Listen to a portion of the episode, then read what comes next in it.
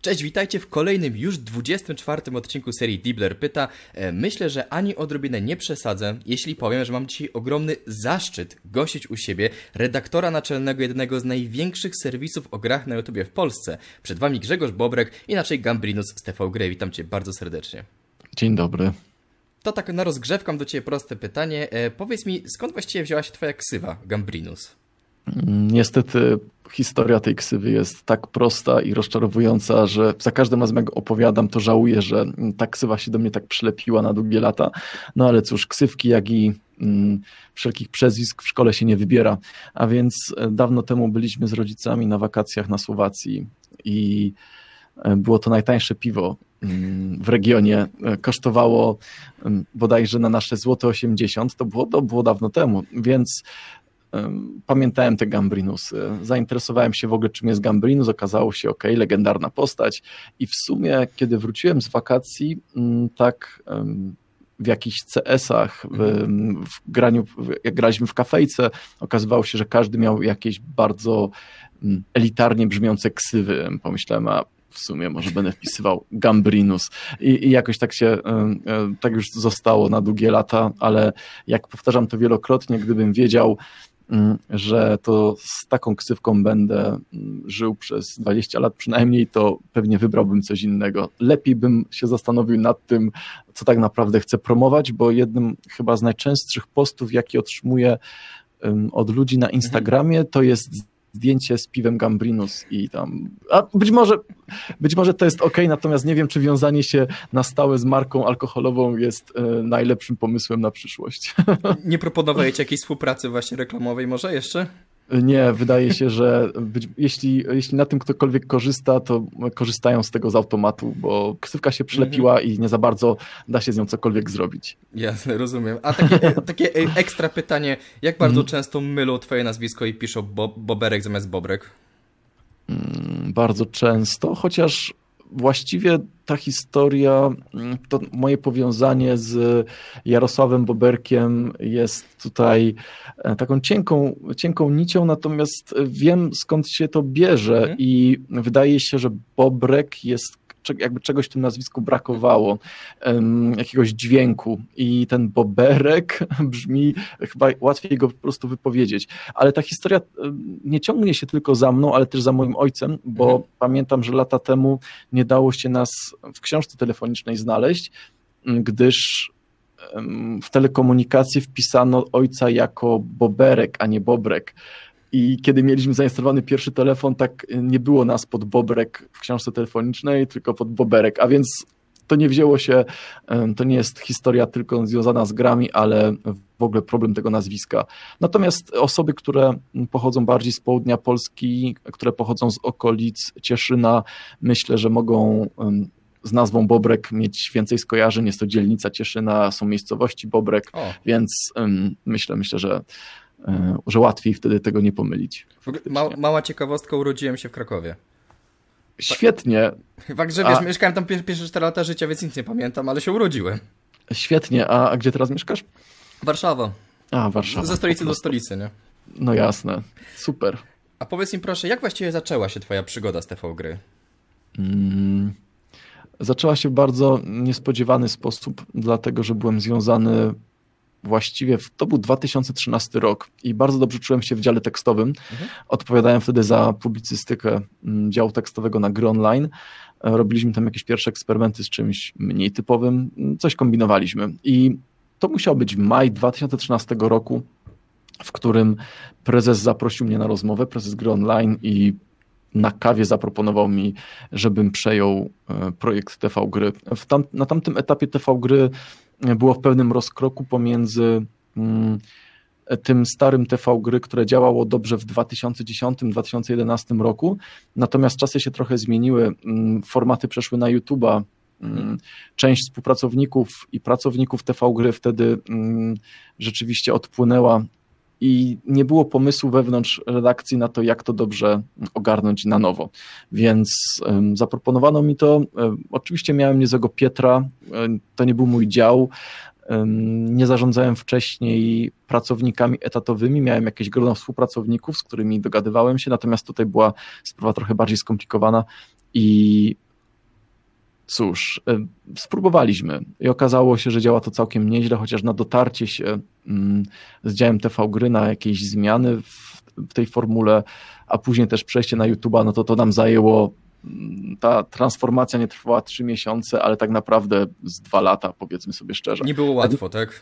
Tak, myślę, że y, wakacje 2015 roku to był chyba ten moment przełomu, gdzie zaczęliśmy się czuć jakbyśmy, okej, okay, chyba doszliśmy do etapu, o którym, o którym nam zależało, mhm. Mm, kiedy rozmawialiśmy dwa lata wcześniej. Więc y, przyznam szczerze, że to był chyba najbardziej stresujący okres mojej pracy w gry online. Właśnie wtedy, kiedy nie wiedziałem, na co się pisze jeszcze. E, dzisiaj oczywiście tej decyzji nie żałuję, natomiast wtedy czasami plułem sobie w brodę, bo e, kolejne wyzwania e, sprawiały, że człowiek czasami nie wiedział, za co się chwycić. Ale wraz przede wszystkim z zatrudnianiem nowych pracowników stawało się to coraz łatwiejsze. Mm, sprawy kadrowe są niezwykle istotne mm, mimo wszystko w działaniach nawet tych mniejszych, średnich firm, w tym sensie, że jeśli masz osoby, 3-4 osoby w biurze, na których możesz polegać, to możesz też z nimi podzielić się tą odpowiedzialnością, mhm. to znaczy przerzucić te obowiązki, podzielić się tymi obowiązkami.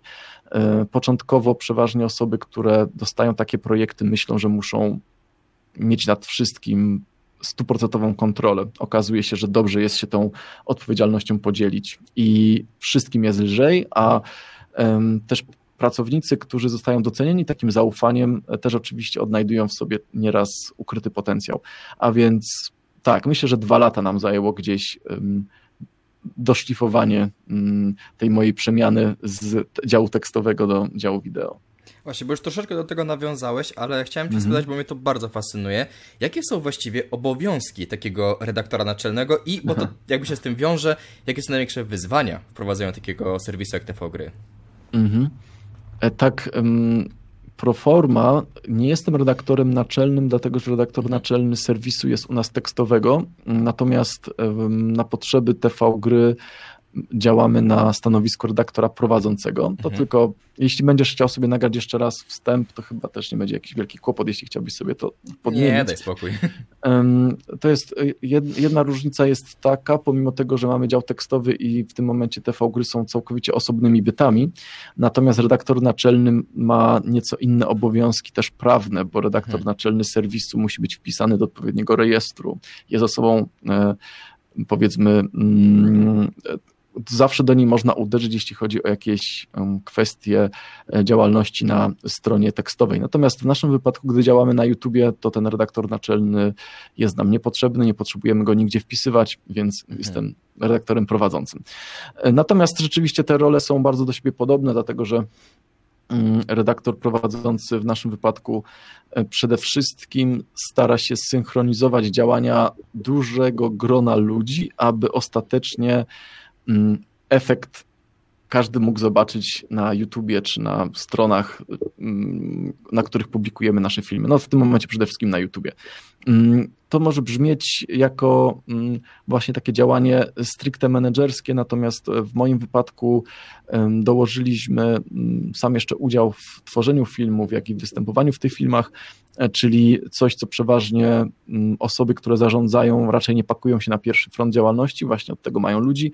U nas jest ten aspekt bardzo ludzki, że e, samemu podoba mi się występowanie w filmach, pisanie tych scenariuszy, a więc e, staram się mieszać funkcje zarówno Mm, autora takich materiałów, jak i człowieka, który stara się to wszystko spiąć w całość i popatrzeć na to mm, z lotu ptaka. Mhm. A więc jeśli chodzi o chyba jakbym podzielił to na powiedzmy trzy segmenty, jeśli chodzi o obowiązki, y, jak to wszystko oszlifować, to jest ułożenie planu publikacji, omówienie tego planu publikacji z osobami mm, zarówno etatowymi, jak i współpracownikami oraz doprowadzenie do takiej, do takiej sytuacji, aby ten plan rzeczywiście został zrealizowany przynajmniej jak najbliżej temu, co sobie wyobraziłem, bo oczywiście stuprocentowo to praktycznie nigdy nie działa. Zawsze bycie przygotowanym na jakieś nieuniknione opóźnienia, nieuniknione zmiany w planie publikacji, czy to, że pomysł był jakiś, ale okazuje się, że w rzeczywistości nie za bardzo jest się czego chwycić, albo trzeba zmienić autora, bo ktoś inny czuje się jednak w tym lepiej mm, wygładzanie komunikacji między też zarządem a samym działem, no, dochodzą do tego też kwestie takie bardzo prozaiczne, które nie są jakieś e, niezwykle interesujące, jeśli o nich by mówić, ale e, ogarnianie budżetu na kolejne lata, ogarnianie wypłat. No i jeszcze dochodzą takie kwestie typowo HR-owe, czyli szukanie nowych współpracowników, nowych pracowników, e, próba wykorzystania ich umiejętności w taki sposób, mhm. aby jak najbardziej to zoptymalizować, ale jednocześnie pamiętać o tym, że ludzie mają też swoje jakieś potrzeby i że to nie jest jednak taki prosty RPG, w którym kogoś bezwolnie przerzucimy ze stanowiska mhm. na stanowisko, tylko to musi być też z, jakimś, z czyjąś zgodą i z poczuciem, że ma to wszystko sens. Więc y, ta komunikacja zajmuje bardzo dużo czasu i rzeczywiście są dni, w których właściwie nie robię nic innego, jak rozmawiam z ludźmi o tym, co robimy, co mhm. będziemy robić i jak to zrobić. Więc wydaje się, że każdy, czasami jak um, rozmawiałem z, na przykład z naszymi widzami, czy z osobami nieco z zewnątrz, um, to e, wydaje się, jakby każdy autor robił powiedzmy swoje, a mhm. później to jakoś wrzucamy na kanał. To tak nie działa. Inaczej staramy się na to jednak patrzeć troszkę z szerszej perspektywy, czyli potrzebna jest mimo wszystko osoba, która powie, wiesz co, za wcześnie za ten temat. E, mhm. Naprawdę albo ktoś inny robi coś podobnego i nazwiemy te materiały bardzo podobnie do siebie, więc musimy uważać, żeby rzeczywiście tego tematu nie zajechać w tym momencie. E, gdyby każdy miał rzeczywiście taką całkowitą samowolkę, ja sobie robię teraz to, a teraz robię to, to oczywiście pozbawi, pozbawiony byłby też e, pewnego szerokiego poglądu, musiałby się pytać wszystkich wokół, czy ty robisz coś podobnego, a może kiedyś miałeś coś takiego na oku. Mhm. Nie, nie, w naszym wypadku to zawsze jednak działa, że mm, no jedna osoba musi to jakoś synchronizować, jakoś to spinać, przesuwać te terminy. Mm, czasami też jest inicjatorem pewnych pomysłów, czyli mm, jeśli dany autor nie ma za bardzo pomysłu, co mógłby zrobić, no to jednak redaktor prowadzący powinien gdzieś tam wyciągnąć jakiś ciekawy temat, zaproponować go, że wiesz co, mam coś w rezerwie, może chciałbyś to zrealizować. Włączyć tutaj... maszynę losującą i dać mu jakiś tak. materiał, tak?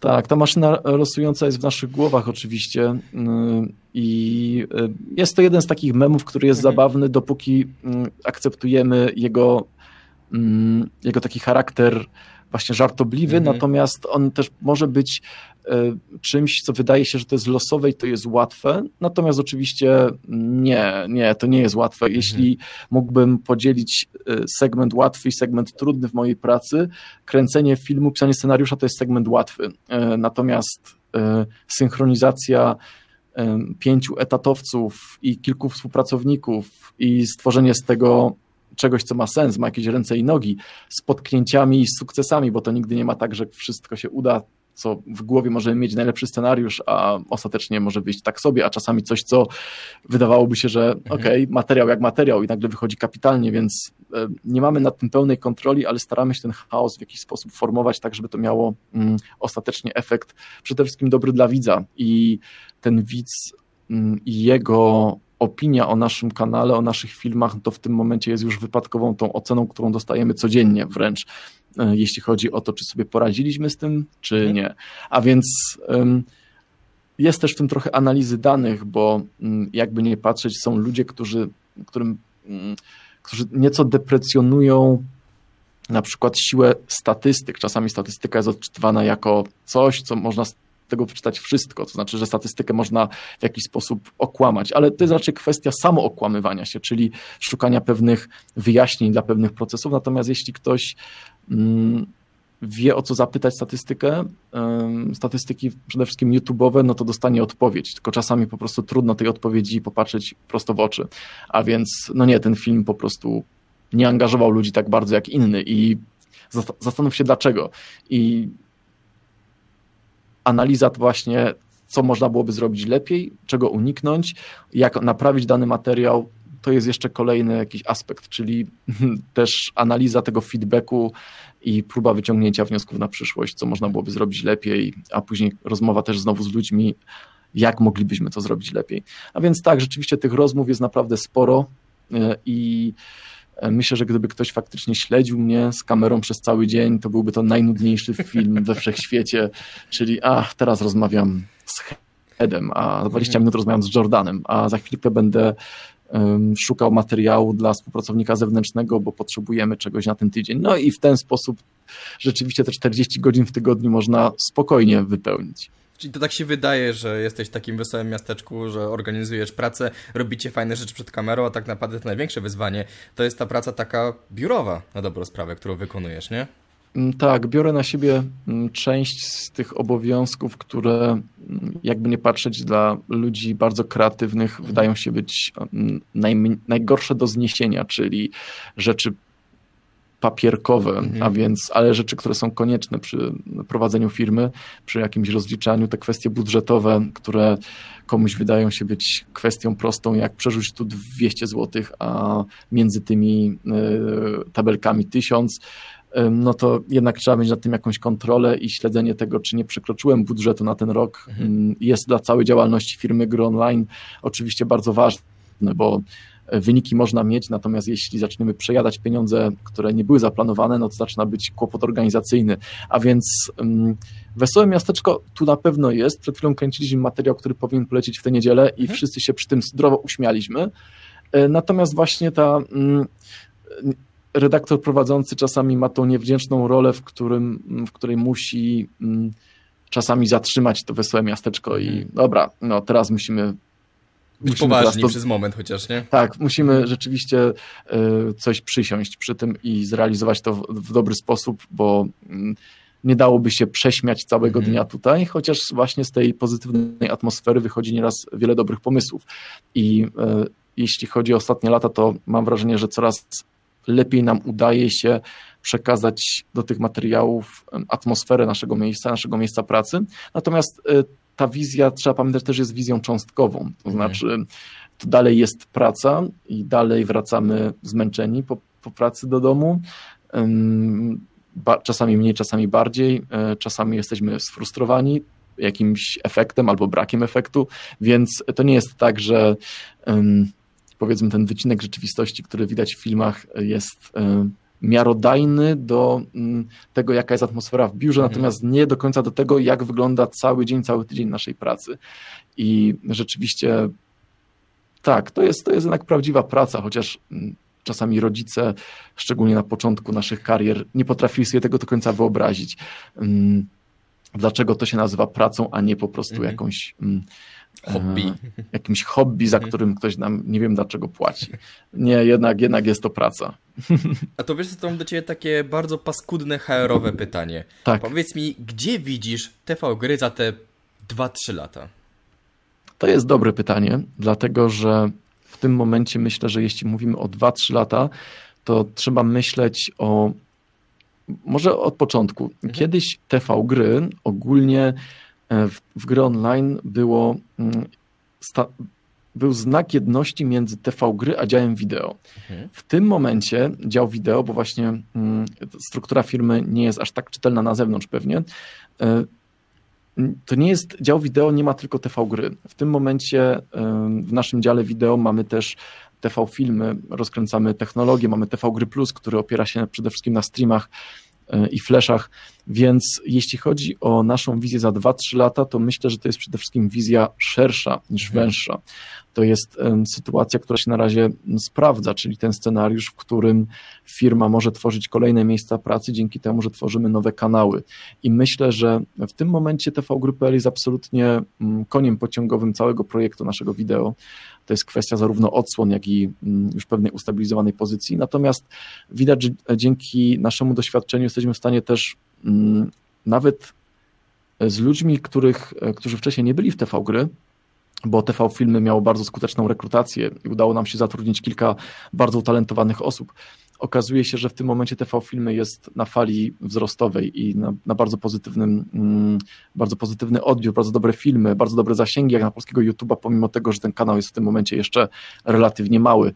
Więc y, myślę, że ta wizja to jest raczej wizja szersza, mhm. czyli mm, więcej kanałów, więcej ludzi pracujących przy różnych kanałach, dlatego że mm, dzięki TV Gry zdobyliśmy tyle doświadczenia, że myślę, że jesteśmy w stanie to doświadczenie przeszczepić na, na inne kanały i TV Filmy jest tego kapitalnym dowodem, że jeśli włożymy w coś energię, to widać tego efekty.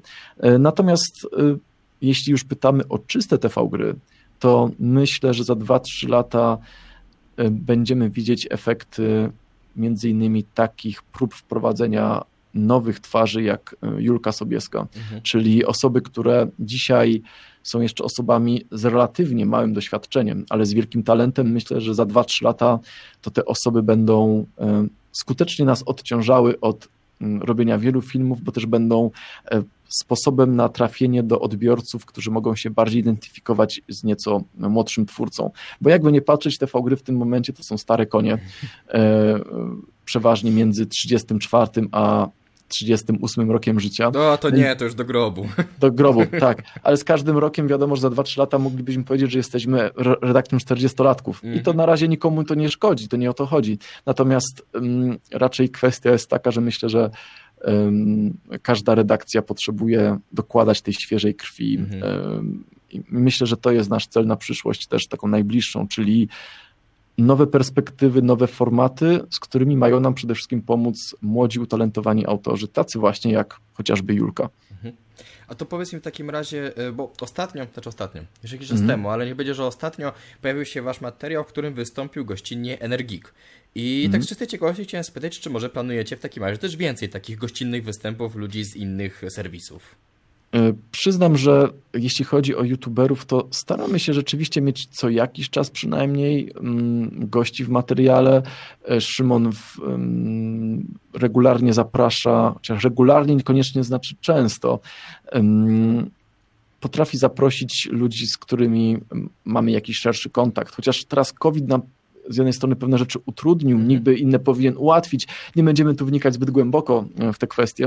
Natomiast e, fakt jest taki, że co jakiś czas udaje nam się zaprosić kogoś z zewnątrz mm, ale synchronizacja tych działań znowu nie jest aż taka łatwa, bo mhm. każdy twórca ma swoje projekty, ma swoje priorytety, więc o ile to jest możliwe, to staramy się rzeczywiście takie rzeczy realizować. To zawsze jest fajnie pokazywać, że mm, jeszcze większą różnorodność i to jest, to jest dobre. Natomiast e, też nie robimy z tego mm, jakiegoś stałego formatu, mhm. czy nie, nie bazujemy na tym, dlatego że firma też i sam, sam dział wideo jest też na tyle duży, że mm, nawet czasami synchronizacja materiału, w którym wystąpi pięć osób z działu wideo, to już jest pewnym przedsięwzięciem, żeby wszyscy nagrali jakieś aspekty jednego tematu. Mhm. A więc um, znalezienie jeszcze tego osoby z zewnątrz, dodanie do tego całego układu nie jest już takie łatwe. Natomiast tak, z Energikiem zawsze nam się dobrze współpracowało. Myślę, że pod tym względem nie powinno być w przyszłości żadnych niespodzianek, ani też zawodów. To znaczy tak, myślimy, że, będzie, że jest tutaj całkowicie e, opcja na to, aby inni twórcy występowali w naszych materiałach. To słuchaj, to teraz chciałem powiedzieć, że trzymamy kciuki za dalszy rozwój TV Gry oraz za te kolejne kanały, które mam nadzieję w przyszłości powstaną, bo to brzmi bardzo ciekawie. E, pod koniec chciałem przejść trochę bardziej do Ciebie, e, bo poprawnie jeśli się mylę, ale jak tak widzę Twoje materiały, to wydaje mi się, że pasjonujesz się bardzo militarystyką i historią II wojny światowej. Czy to jest prawda? Mm, bardziej historią, tak. Mhm. Właśnie to jest ciekawe, że... Mm, jak zwykle pokazujemy jakiś, zawsze twórcy w internecie pokazują część siebie. Mhm. W naszym wypadku pokazujemy oczywiście coś, co chcielibyśmy, żeby mm, też miało odpowiedni, mm, żeby zainteresowało widzów. A więc e, nie zrobię materiału na TV gry, który dotyczyłby czegoś, co jest historyczne, ale nie dotyczy gier. A więc mhm przez to, że gry tak bardzo skupiają się na pokonywaniu przeciwników, na kwestiach wojennych, to oczywiście ta wojna wychodzi w moich materiałach na TV gry na pierwszy plan. I rzeczywiście wojna mnie interesuje, chociaż mhm. niekoniecznie i to czasami jest mm, y, ciężko wytłumaczyć, że mm, na przykład nie interesuje mnie do końca sprawa jakiego typu but miał żołnierz niemiecki w 1943 roku. Mhm. Są ludzie, których bardzo interesuje taka mikrohistoria militarna. A mnie na przykład bardziej interesuje mm, kwestia w stylu, jak żyli cywile mhm. E, na terenie na przykład niemieckiej Bawarii, gdy ten teren był bardzo przez lata e, był bardzo bezpieczny, mm, jeśli chodzi o to, e, jak daleko były fronty, nie był bombardowany. Więc szczerze ten aspekt wojny ten cywilny aspekt wojny interesuje mnie nieraz bardziej niż to, co się dzieje bezpośrednio na froncie. Mhm. Więc nie pokazuję tego w materiałach przede wszystkim dlatego, że właśnie gry skupiają się na tym aspekcie jednak frontowym, militarnym, przesuwamy dywizje, są czołgi, karabiny i oczywiście mam w tym jakieś rozeznanie, natomiast oczywiście nie trafia każdy aspekt moich zainteresowań historycznych i przez to można mieć pewne wyobrażenie, jakbym był pod tym względem bardzo e, wycelowany tylko w tym kierunku. Natomiast e, aż tak to nie wygląda. Fascynuje mnie na przykład czytanie starych gazet mm, i to nie z czasów wojny, mm, więc dzisiaj jest to niezwykle łatwe, bo Biblioteka Jagiellońska, Biblioteka Uniwersytetu Warszawskiego mają całe archiwa, w których możemy zeskanowane gazety z lat 60. XIX wieku czytać. I więc tak, myślę, że studia historyczne ogólnie ugruntowały moje zainteresowanie historią, natomiast ten zakres tematyczny jest nieco szerszy niż sama wojna i mhm. militaria. Tak, to nie jest, to nie jest tylko to, chociaż myślę, że dobrze to pokazuje moja praca magisterska, która tak naprawdę nie dotyczyła spraw um, stricte militarnych, tylko dotyczyła kwestii tego, jak Holendrzy pamiętają okupację niemiecką. I to, i, więc jest to wojna, natomiast nie jest to de facto o działaniach wojennych, o żołnierzach, chociaż oczywiście musi się ten aspekt w jakiś sposób tam pojawić. Natomiast nieco bardziej interesowało mnie to, jak e, zmitologizowano sobie e, w Holandii e, opór przeciwko Niemcom i dlaczego Holendrzy tak długo byli cięci na Niemców znacznie mocniej na przykład niż Francuzi czy nawet Belgowie, więc ta pamięć o wojnie też jest czymś bardzo interesującym, a więc to jak nam się zniekształca mimo wszystko, to jak patrzymy na wydarzenia z przeszłości.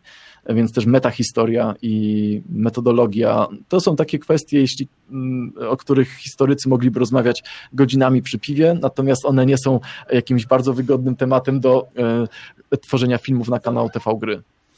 A to wiesz co, potrafiłbyś na przykład e, polecić takie trzy gry, których akcja dzieje się podczas II wojny światowej, które nie są takim, nie wiem, zwykłym Call of Duty albo coś w tym stylu?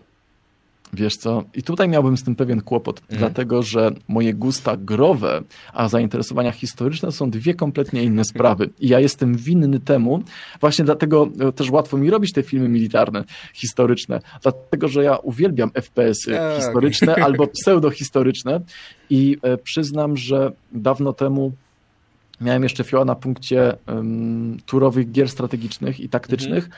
i oczywiście z tą świadomością, że i one były bardzo umowne, więc mhm. jeśli jako dzieciak grałem w Panzer Generala, to oczywiście wtedy wydawało mi się, że jest to e, w miarę realistycznie odwzorowane działania wojenne, natomiast one są niezwykle umowne, mhm. jak gra planszowa. A więc co jest ciekawe, u nas w redakcji mamy Adama e, Kusiaka, Tibona, który jest właśnie tym fascynatem bardzo dziwnych gatunków gier, w których chociażby jesteśmy oficerem sztabowym i mhm. tylko podpisujemy dokumenty. I, I, przyznam szczerze, że to nie jest właśnie mój typ gry. Mhm. Mogę odczytać o czymś, natomiast w grze wolę eksplozje, wybuchy, eksplozje, wybuchy, e, czołgi, strzelanie z karabinu bardzo umowne, 64 graczy na jednej mapie, jak w Battlefieldzie, więc mhm. pod tym względem nie byłbym absolutnie w ogóle wyjątkowy i pewnie dlatego do materiałów trafia tyle strzelanek ostatecznie historycznych, więc e, jeśli miałbym coś polecić, to chyba to jest dobry moment, żeby sprawdzić jeszcze raz na spokojnie i na bez żadnych y, uprzedzeń Battlefielda 5. Zawsze uważałem, że to jest dobra gra, mhm. a w tym momencie dzięki zainteresowaniu nowym Battlefieldem serwery są pełne. Absolutnie tam jest bardzo tak? dużo ludzi. Tak. Y, chyba na Steamie tam y, było kilkanaście tysięcy osób jednocześnie nawet grających, więc, więc jest z kim pograć. Przyznam, że ostatnia aktualizacja, która wyszła tuż przed mm, zamknięciem tego wsparcia, mm, jeśli chodzi o aktualizację, te, amerykańskie mapy, mm, amerykański ekwipunek jest bardzo dobra, więc jeśli miałbym wskazać tą jedną grę, bo trzech bym tutaj powtarzał jakieś banialuki, e, to dajcie szansę jeszcze raz Battlefieldowi 5 i może się zdziwicie, w jakim miejscu jest on teraz, tuż przed wydaniem nowego Battlefielda. To wiesz, jak już tak cię zmuszam do wymieniania gier, to pozwól, że płynnie przejdę do ostatniego, mojego ulubionego pytania. Wyobraź tak. sobie, że zamykało cię w izolatce na PN Rock, ale możesz wziąć ze sobą trzy gry. Jakie? Mm, I tutaj ja muszę to wytłumaczyć, O. tę swoją odpowiedź, dlatego że ja dobrze przemyślałem to pytanie, bo wyobraziłem sobie to, że jestem zamknięty i absolutnie odpadają wszelkie mm, singlowe, krótkie doświadczenia. To nie mam mowy. Musisz wybrać na coś takiego, nawet jeśli nie jesteś wielkim fanem, musisz wybrać gry, e, w której jesteś w stanie spędzić szczerze setki godzin. I ja, jeśli miałbym teraz taki wybór, wybrałem sobie trzy gry, z nieco różnych gatunków, Mhm. natomiast których zdaję sobie sprawę, że nie grałem w nie tylko dlatego, że nie miałem czasu, ale jeśli mam przed sobą mnóstwo czasu, to dlaczego nie? I zdziwisz się pewnie, ale wziąłbym gry właściwie samostrategiczno-menedżerskie. Kiedyś miałem do, na punkcie właśnie strategii fioła, natomiast w pewnym momencie zaczęło, znaczy nie męczyć, po prostu miałem kłopot z tym, że często w takich grach potrzebujesz spędzić faktycznie 50-100 godzin, żeby się orientować lepiej i nie miałem, przyznam, że nie czułem się z tym swobodnie, że muszę, rzeczywiście w dorosłym życiu trochę Mhm. brakuje tego. Łatwiejsze są gatunki, w których wchodzisz i od razu wiesz, co masz zrobić. Mm, Jak strzelanki, w które mogą się różnić drobiazgami, natomiast dają ci pewne zamknięte doświadczenia, jakieś sandboxy, wygodne sprawy. Ale wziąłbym, e, to może brzmieć dziwnie, ale futbol menedżera, Też tak Bo- czułem, że to powiesz. Jak tak zrobiłeś taki bo- wstęp, to coś czułem. bo wiem, że e, wciągnąłbym się w to. Mhm. Druga rzecz Crusader Kingsy, a trzecia coś lżejszego, czyli dajmy na to Roma Total War 2. Mhm. E, a więc ktoś może powiedzieć, gdzie jakiś RPG? E, a mówię, nie, nie. RPG znudzi ci się po 50 godzinach, nawet po Mhm. 100 godzinach. Strategie to jest twój scenariusz na mm, rok zamknięcia w izolatce. Mhm. Nawet jeśli nie do końca musisz w tym momencie lubić strategię. Chociaż ja bardzo lubię, ale zawsze brakowało mi tego czasu. Rok czasu przede mną, myślę, że byłbym bezpieczny. No i słuchajcie, od razu widać, że redaktor prowadzący, bo bardzo pragmatycznie podszedł do tego ostatniego pytania.